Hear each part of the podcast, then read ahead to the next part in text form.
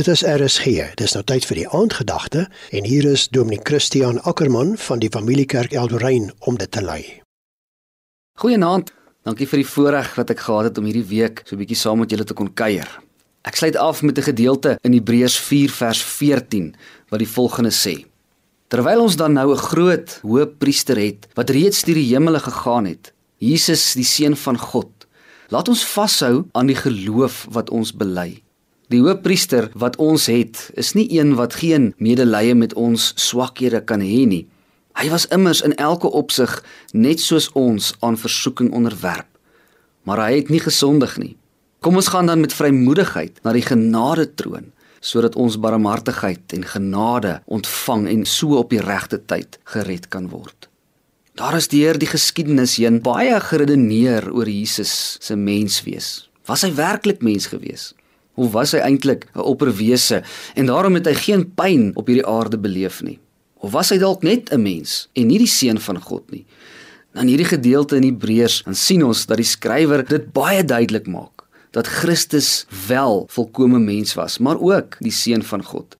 Die skrywer verwys na Christus as Jesus. Jesus was sy aardse naam gewees, soos Christian of Pieter of Gert. En dis wil die skrywer van die Hebreërsbrief die menslikheid van Christus beklemtoon, dat hy volkomme mens was soos ek en jy. Met ander woorde, hy het pyn gevoel soos ek en jy. Hy het emosies ervaar soos ek en jy.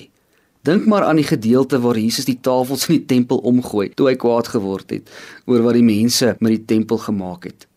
Die skrywer van die Hebreërsbrief skryf hierdie gedeelte vir 'n baie spesifieke rede. Ons weet dat die lesers van hierdie brief onder geweldige politieke en sosiale druk verkeer. En nou sê die skrywer van die Hebreërsbrief dat die mense nie moed moet verloor nie, want die God wat hulle dien, kan homself met ons menslike pyn vereensgewig. Die God wat ons dien, weet hoe dit voel om versoek te word, om pyn te beleef, om verlies te beleef. Dink aan Johannes die Doper wat in die tyd van Jesus onthoof was. Johannes was baie naby aan Jesus gewees en daarom was dit 'n groot verlies vir Jesus gewees. Dis verstaan Jesus ons pyn en ons hartseer. Hy is nie net 'n God wat daar bo op sy troon sit en nie werklik weet wat verlies en pyn behels nie. Dit sou baie troos aan die hoorders van die Hebreërsbrief gebied het en ook hulle aangemoedig het om aan hulle geloof vas te hou en om uit te hou.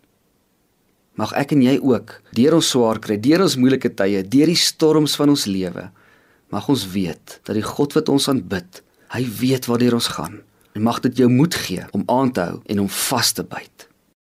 Dit was die aandgedagte hier op RSG, algebied deur Dominee Christian Ackermann van die Familiekerk Eldorein.